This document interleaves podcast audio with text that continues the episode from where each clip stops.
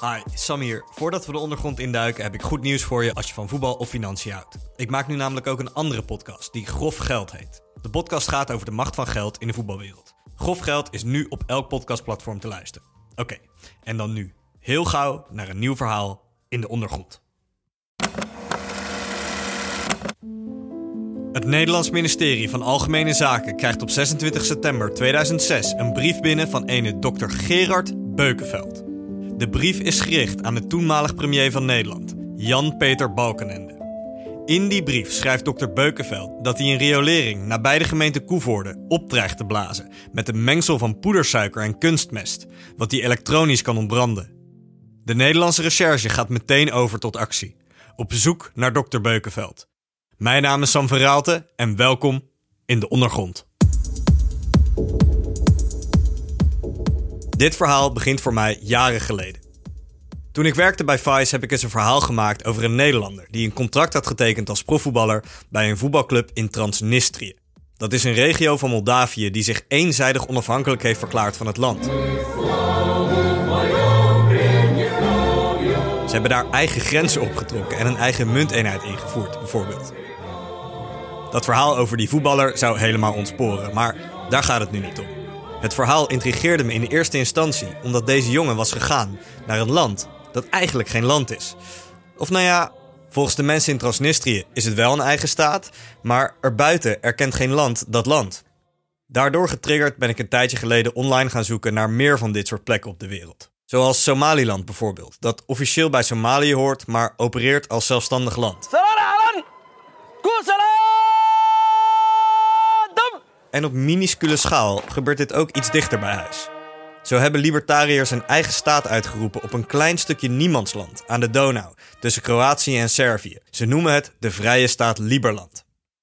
En op nog kleinere schaal is er al 17 jaar hetzelfde gaande aan de grens van Nederland. Het gaat om een strookje land van 485 bij 6 meter tussen Nederland en Duitsland, bij Coevorde. Door een miscommunicatie tussen Nederland en Duitsland is deze gedempte sloot van nog geen 3000 vierkante meter niet opgenomen in de grensbepalingen van beide landen. Geen van de twee landen maakt er dus officieel aanspraak op. Het is van niemand. Of nou ja, in ieder geval niet van Nederland of Duitsland. In de praktijk is het niet meer dan een berm naast een weg. Maar op dat stukje land heeft de Nederlandse klinisch chemicus Gerard Beukenveld in 2006 zijn eigen land uitgeroepen. Eerst heette het de Vrije Staat Beukenveld, daarna Eurostaat. Gerard heeft er ook zijn eigen munt ingevoerd, de Guldenmark. Op YouTube zijn een paar oude filmpjes te vinden van die periode rond 2006, waarin Gerard allerlei acties organiseerde rondom zijn zelf opgerichte land. De filmpjes zijn niet vaak bekeken, meestal een paar honderd, soms duizend keer. Gerard is erin te zien als een typisch Nederlandse man van middelbare leeftijd, met een kalend hoofd. Hij lijkt klein van stuk en maakt een bevlogen indruk. In een video legt Gerard bijvoorbeeld aan een geïnteresseerde man, Rob Brokkus, uit wat Eurostaten is. Mijn naam is Gerard Beukenveld en ik ben regent van Eurostaten. Eurostaten, wat is dat? Eurostaten is een soevereine staat uh, tussen Nederland en Duitsland uh, in de buurt van Koevoorde. In een ander filmpje plant Gerard samen met zijn dan 92-jarige vader een boom op het stukje land. Ja. Meneer Beukenveld zit de spaan maar in de grond, hè? Nou. Kan u hem er even inzetten? Erin zetten, oh Henk.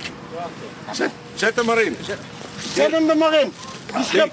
Ja. Goed zo. Schitterend. Ja. En dat hij met 100 jaar mag blijven staan hier. Ja. Rondom de oprichting van zijn staat en in de jaren daarna kreeg Gerard Beukenveld best wat media-aandacht. Mijn oud-collega Sander Rox van Vice schreef ruim 10 jaar geleden bijvoorbeeld een stukje over Gerard en zijn staat. Gerard maakte ook een eigen website over zijn land, eurostaten.eu. Als je die website nu bezoekt, ziet het eruit als een blog uit 2003 of zo. Het staat bovendien vol met ingewikkelde teksten over termen die ik niet ken, zoals het menselijk natuurrecht. Dat zou gelden op Eurostaten en gebaseerd zou zijn op een spiritueel systeem van goed en fout. Dit systeem zou ver verheven zijn boven het door mensen, bedrijven en parasieten gemaakte rechtssysteem.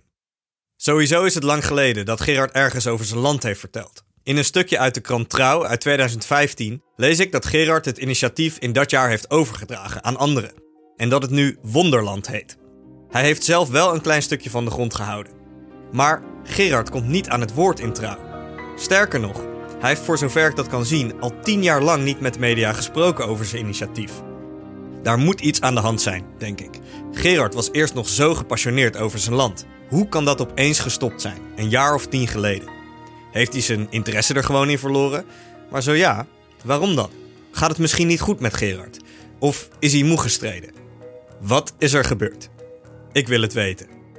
Op zijn website staat een e-mailadres. In de zomer van vorig jaar stuur ik Gerard een mail. Beste Gerard Beukenveld. Eurostaten vind ik een fascinerend land. En ik zou u graag interviewen over de totstandkoming, de doelen en de stand van zaken. Het gaat om een podcast waarvoor ik langs kan komen bij u, met twee microfoons. Het gesprek zal een uurtje van uw tijd kosten. Staat u hiervoor open? Met vriendelijke groet, Sam van Raalte. Een week later krijg ik een mail terug. Van Gerard. Sam, staat er. Graag ben ik bereid om kennis met je te maken en van gedachten te wisselen over zeer veel onderwerpen rondom Eurostaten en de wereld. Waarbij jij aan een uurtje niet genoeg hebt. Achter de schermen ben ik met miljoenen anderen volop bezig om er een mooiere wereld van te maken. Voor iedereen. Dat is de eerste alinea. Daarna schrijft Gerard in de mail dat er veel mis is in de wereld. En dat het doel van Eurostaten is om zoveel mogelijk mensen richting de vijfde dimensie te sturen.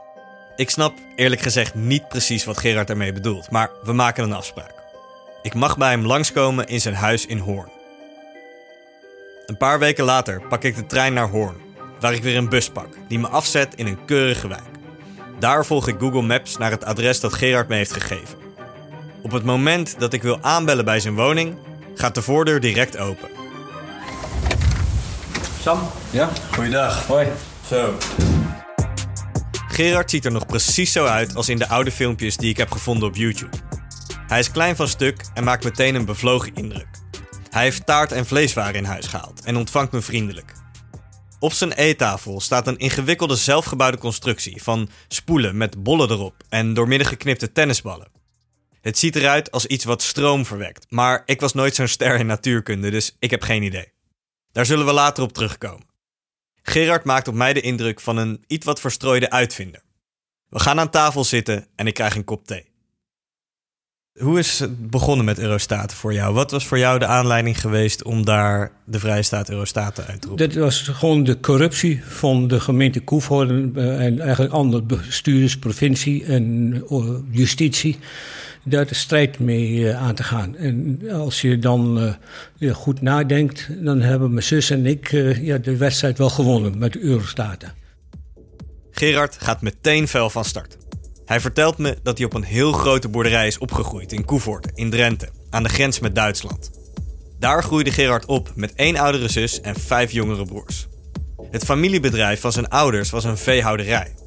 En al vroeg kreeg Gerard een groot wantrouwen richting de overheid, vertelt hij. Toen de discotheek van een van zijn jongere broers in Koevoorde werd gesloten, nadat de politie door drugs had gevonden. Volgens Gerard klopte er helemaal niks van die zaak. Er is zoveel corruptie om die discotheek heen plaatsgevonden. Mijnheid en alles. Maar je krijgt nooit uh, gelijk van de rechters, omdat het uh, allemaal uh, ja, mafiozen zijn. Hm. Ja, dat, maffia. Heel rechtelijk systeem. Over de hele wereld, hoor. Uiteindelijk wordt die discotheek gesloten. Later wil de gemeente Koevoorde dat de familie Beukenveld hun veehouderij verkoopt, omdat de overheid het bestemmingsplan voor het grondgebied heeft veranderd. En daar verzet de familie zich tegen. Gerard werkt niet op de boerderij in die tijd. Hij is klinisch chemicus geworden. Maar hij bemoeit zich wel flink met de zaak. Volgens Gerard is ook dit allemaal op een verkeerde manier gegaan vanuit de overheid. De banken die willen gewoon dat investeren in dat bestemmingsplan. En er is zo'n zo boertje die dat boel ophoudt. Wat denkt dat boertje wel dat hij dat kan doen? Dus er is een en al uh, kliek. Uh, zo'n bestemmingsplan, uh, nieuw bestemmingsplan, daar verdienen de banken ook flink, aan. Nieuwe gebouwen moeten komen, investeringen en wegen en alles, dat, dat, daar verdienen ze aan. En dan gaat er een boer daar even dwars liggen of wat dan ook. De gemeente wou niet met ons onderhandelen. Dus via een projectontwikkelaar hebben we het verkocht aan de gemeente Koevoorn. De familie Beukenveld verkoopt hun bedrijf en grondgebied dus uiteindelijk aan de gemeente Koevoorde. Maar dan komt Gerard, als hij gaat graven, ergens achter. Op het grondgebied dat wordt verkocht ligt een sloot, precies tussen Nederland en Duitsland. En wat blijkt nou? Zowel Nederland als Duitsland maakt geen aanspraak op dat kleine stukje grond van 6 bij 485 meter. Toen zei de Duitse notaris, die sloot die is er niet. Die, eh, die bestaat niet. Staat niet in het Duitse uh, roenboeg. Dan ben ik dus drie uh, dagen aan het zoeken geweest in het Nationaal Archief van hoe ziet nu de grenzen eruit. En toen kwam ik dus bij de traktaat. Ik kende dat woord ook niet. Je weet niet wat je moet zoeken. Nederland zegt de helft is van mij. En, en, en, en Duitsland die, die had die andere helft van in het kadaster in moeten schrijven. Of En in dat ieder geval hebben ze niet gedaan. ze niet gedaan. Ah. Ja, nou dan is het vrij simpel. Die ene helft van Nederland heeft nooit in Nederland gelegen. Dus die had ik al een draai om de oren gegeven. En die andere helft eh, ligt niet, in de Duitse, niet ingeschreven in het Duitse kadaster. Dus ligt niet in Duitsland.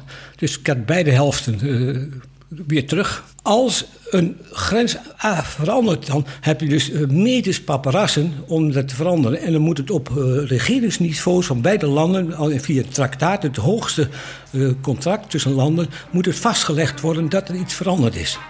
En dat is er niet gebeurd. De grenzen tussen Nederland en Duitsland zijn nogal vaak veranderd in de 20e eeuw. Na de Tweede Wereldoorlog blijkt er in de communicatie tussen Nederland en Duitsland iets niet helemaal goed te zijn gegaan. Waardoor er een stukje van 6 bij 485 vierkante meter door geen van beide landen wordt geclaimd. De sloot werd gedempt en zo kwam er een stukje land te liggen tussen Nederland en Duitsland. Wat volgens de grensbepalingen in geen van beide landen valt. Daar zag Gerard een mooie kans om de Nederlandse overheid dwars te zitten. Op zijn manier. Toen dachten, daarna hebben we de soevereine staat Beukenveld opgericht. Het landje dat Gerard opricht noemt hij eerst de Vrije Staat Beukenveld. Maar het wordt al snel omgedoopt tot Eurostaten. Het idee slaat aan. Tientallen mensen raken erin geïnteresseerd. Gerard krijgt in de begindagen best wat aandacht voor Eurostaten. Verschillende mensen willen zich bij hem aansluiten. Hij organiseert daarop verschillende feestdagen op Eurostaten. Die berm langs de weg tussen Nederland en Duitsland. Nou, we hebben de weg afgesloten, die, eh, omdat, eh, zodat er eigenlijk dan, eh, een wandelgebied werd. En we hebben een grote tent neergezet. En we hebben een, mijn vader heeft toen een, de boom eh, geplant, een beuk, met de beuk erin. Ja, nou, een heleboel ceremonie eromheen, en ook muziek en, en mensen en elkaar contacten. Ja, De hele familie Beukenveld ondersteunt dit Nee. initiatief dus ook. nee, Oh, nee. oké. Je vader in ieder geval. Uh, mijn vader die, eh, heeft genoten van alles. Ja. Want die had door hoe dat in elkaar zat. En mijn zus, en mijn zwager en, en ik. Ja. En dan houdt het zo'n beetje op. Oké. Want, en eh, die, ja, ja, dan laat Gerard maar. Gerard is nou ja, gek of, laat ik zo- zo- of Word je vaker gek genoemd? Nee, nee, nee, nee. Maar gewoon mijn familie die zeggen dat maar sneller. Dus soms wel. Ja. en, eh, en, en is ook altijd aan het ruzie maken. Gerard is altijd aan het ruzie maken. Altijd aan, en, en, ja, tegen de overheid. Hè? Dat, dat is het, het punt. Omdat ik eh, je niet neerleg bij die, die fraude, die, die corruptie. Het begint allemaal onschuldig. Maar dan begint de gemeente Koevoorde in 2006 aan werkzaamheden voor Europark, een bedrijventerrein.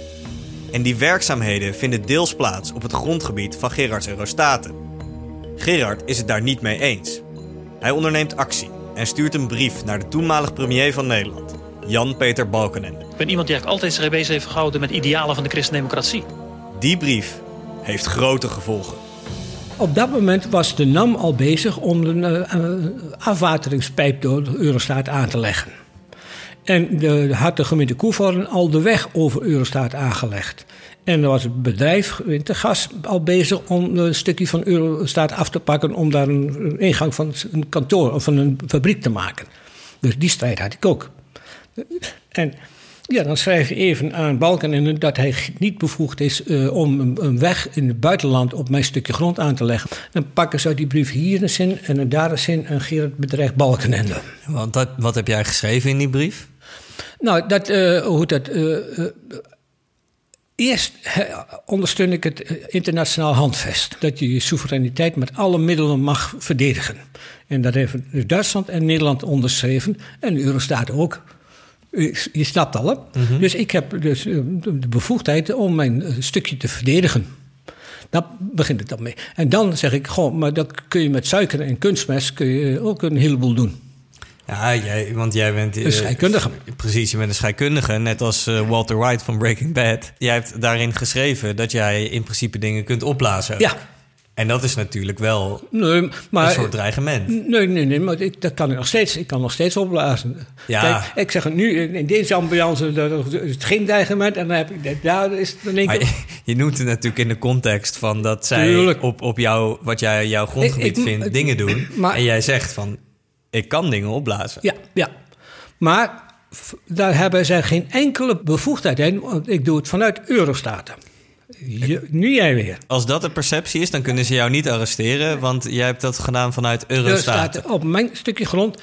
En, eh, Maar, jij woonde niet in Nee, Eurostaten. de- toen ben ik dus veroordeeld, uiteindelijk, wegens het in Nederland op een post hebben gedaan van een brief naar Balkenende. Exact, want vanuit Nederland heb je die brief op de post gedaan, Ja. waarin dan die... Die zin zat ja, dat ik dat, eh, vanuit Eurostaten alles mag doen. Hebben ze me in het ziekenhuis willen arresteren.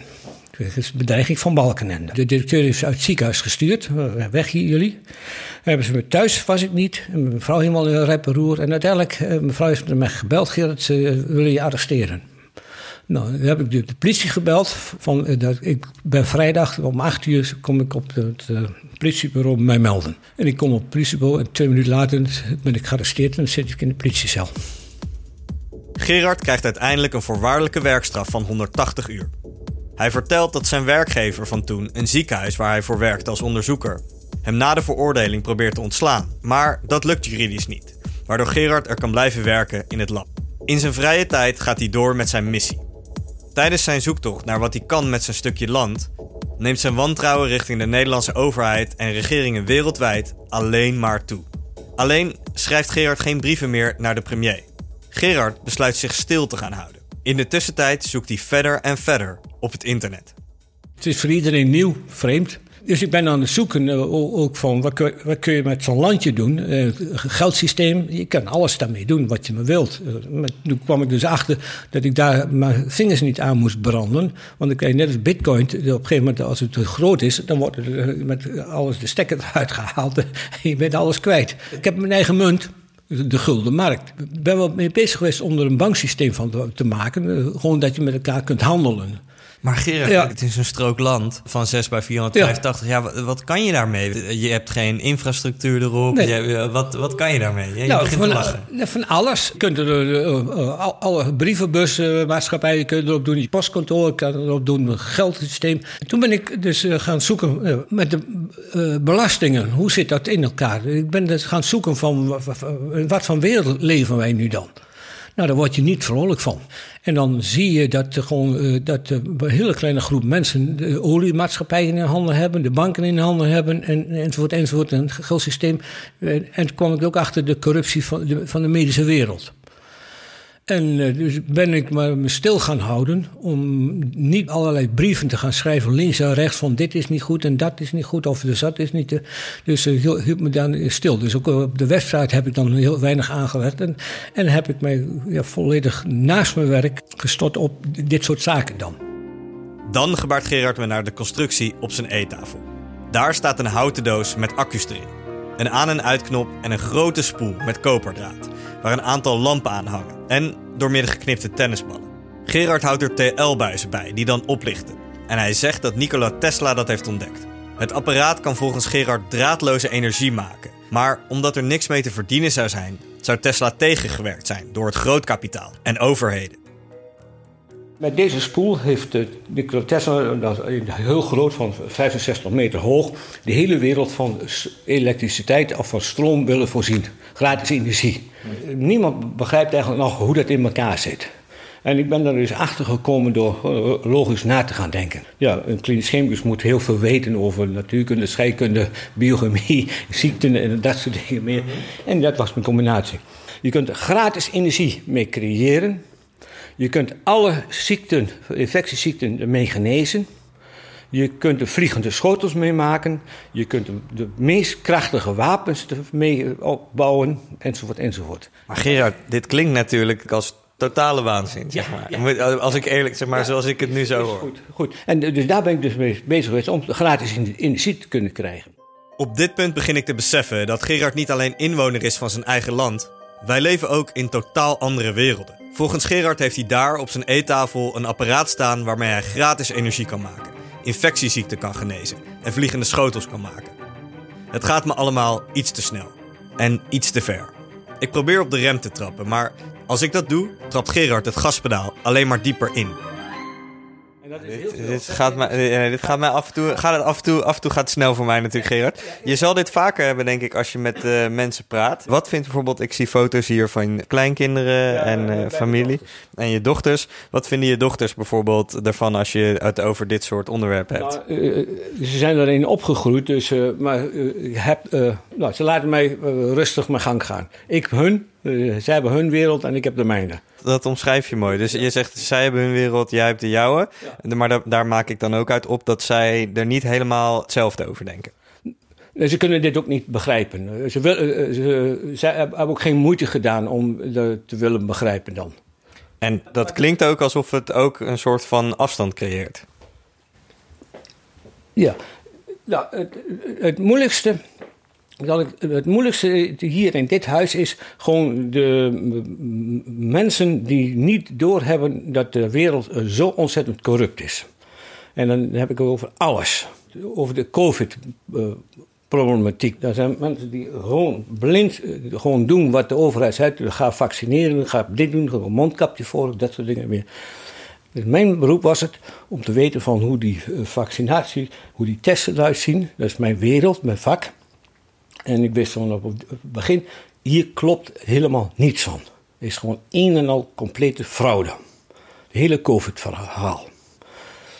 En, en, en ik heb nog steeds gelijk, ik krijg het niet omdat de media gewoon, daar gewoon mede debat in is aan al die leugens en die fraude. En nou heb ik drie vaccinaties gehad. Ja. Denk jij, wat, wat heb ik daarmee dan ingespoten gekregen? Een chip. Via Bluetooth ben je nu te volgen. Ik kan, ik wel- kan het zo laten zien. Moet ik even kijken. Je pakt nu je telefoon erbij. Moet ik instellingen hebben. Instellingen. Verbindingen. Bluetooth moet ik even aanzetten. Wacht even. Ga je verbinding met mij maken? Ik kan je laten zien. Ik heb nu Bluetooth. Hè? Je zet nu Bluetooth aan op je telefoon. Dat is jouw nummer. Ik zie hier staan een nummer 4064 5E00. Oh, deze, kan, deze kan het ook zijn. Ben jij dat dan? Nee, nee, nee. Ik heb me niet laten vaccineren.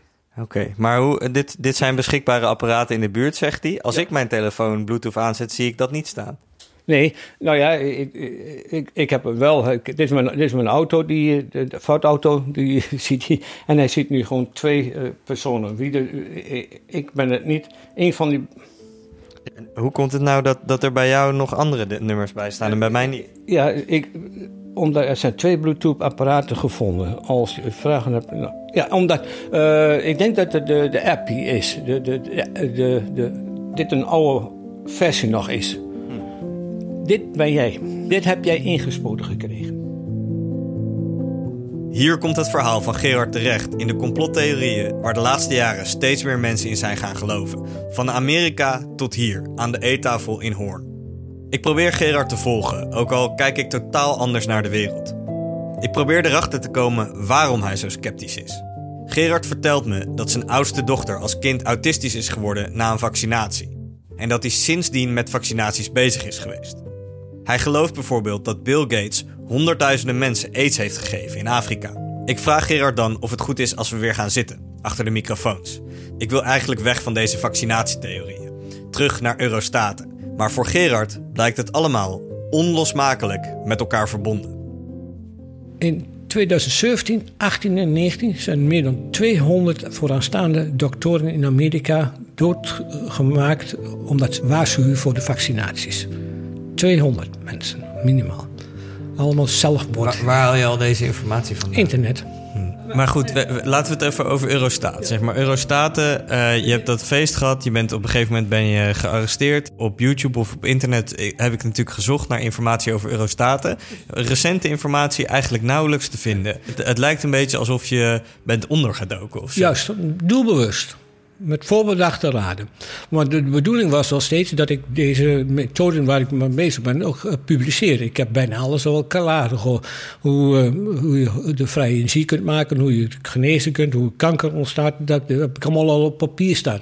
Maar het is nog te gevaarlijk, nogmaals, om, om dat te publiceren. Want je, je, je hoeft te leven niet met deze mensen. Dus jij denkt dat er dan mensen met grote belangen zijn die jou iets aan willen doen? Ja.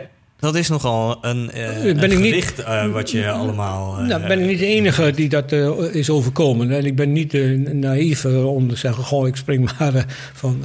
Nee, Gerard, ik ken je nu nog niet zo lang. Nee. Het laatste wat ik over jou zou zeggen is dat je naïef bent. Ja. Maar ben je niet ook gewoon heel achterdochtig? Nee. Nee, nee, nee, nee, nee, nee.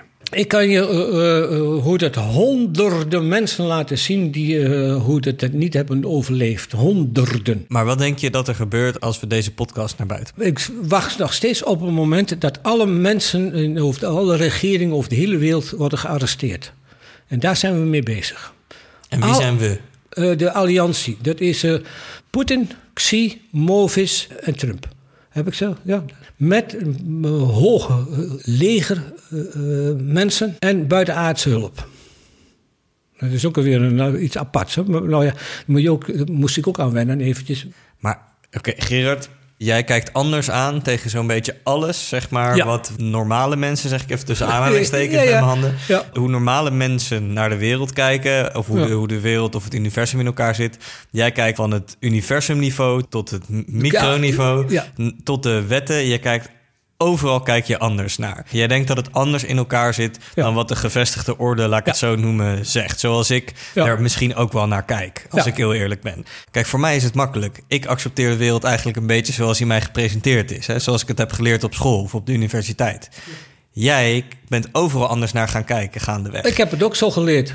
Precies. Is dat niet ontzettend vermoeiend ook voor jezelf? En denk je niet af en toe van, ach, laat maar zitten joh. Nee, want waar zijn we mee bezig? Uh, wij zijn nu bezig om er een betere wereld van te maken. Ja, dat is eigenlijk het punt. Er zijn maar een paar families die alle geld in handen hebben. Er zijn maar twee firma's op de wereld die alles bezitten. Uh, BlackRock en, en nog een ander, Vanguard of zoiets. Die hebben alles gekocht. Hoe kunnen ze dat kopen? Omdat ze gewoon zelf geld intypen. Dat is gewoon gebakken lucht. En, en dan kopen ze dat. En ze, is toch een, absurde wereld. Dat alle rechters uh, hoe dat jou als slaaf moeten behandelen. Dat wil je ook nog niet accepteren. Het begint me allemaal te duizelen. Het gaat bovendien zo snel dat ik Gerard en zijn gedachten niet meer bij kan benen. Het gaat van gratis energie naar vaccinaties, naar Bill Gates, naar vliegende schotels. Zijn belevingswereld is totaal anders dan de mijne. Ik vraag hem of er in zijn wereld ook hoop is. Of het volgens hem ook allemaal goed kan komen. Ik wacht op een eerlijke wereld. En die komt er heel snel aan. Ontzettend snel komt er een eerlijke wereld aan. Een hele wereld, hele aarde. Kijk je maar naar de vierde en vijfde dimensie. Als zoekterm gaat dan maar eens lezen wat er dan gebeurt. En in de vijfde dimensie, wat vibreren wij zo, is er geen kwaad meer.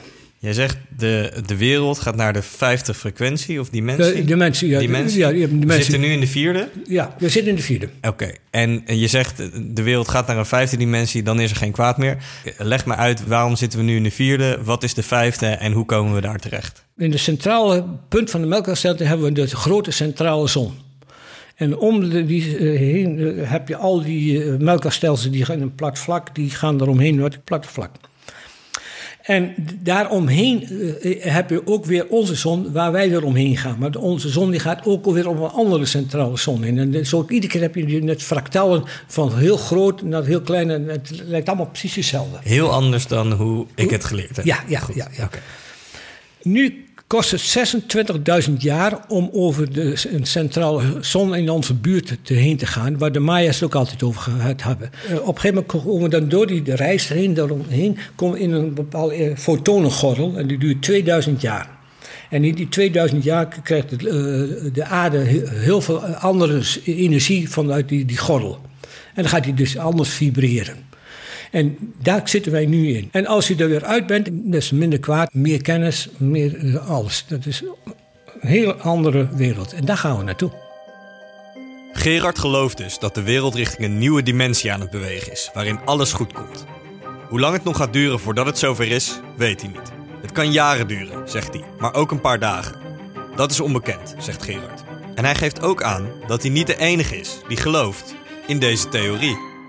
Een van de doelstellingen die wij hebben is uh, dat wij andere mensen wakker moeten maken. Wie zijn we? Wie spreek jij hier allemaal? Honderden, de... honderden mensen in Nederland. Honderden groepjes.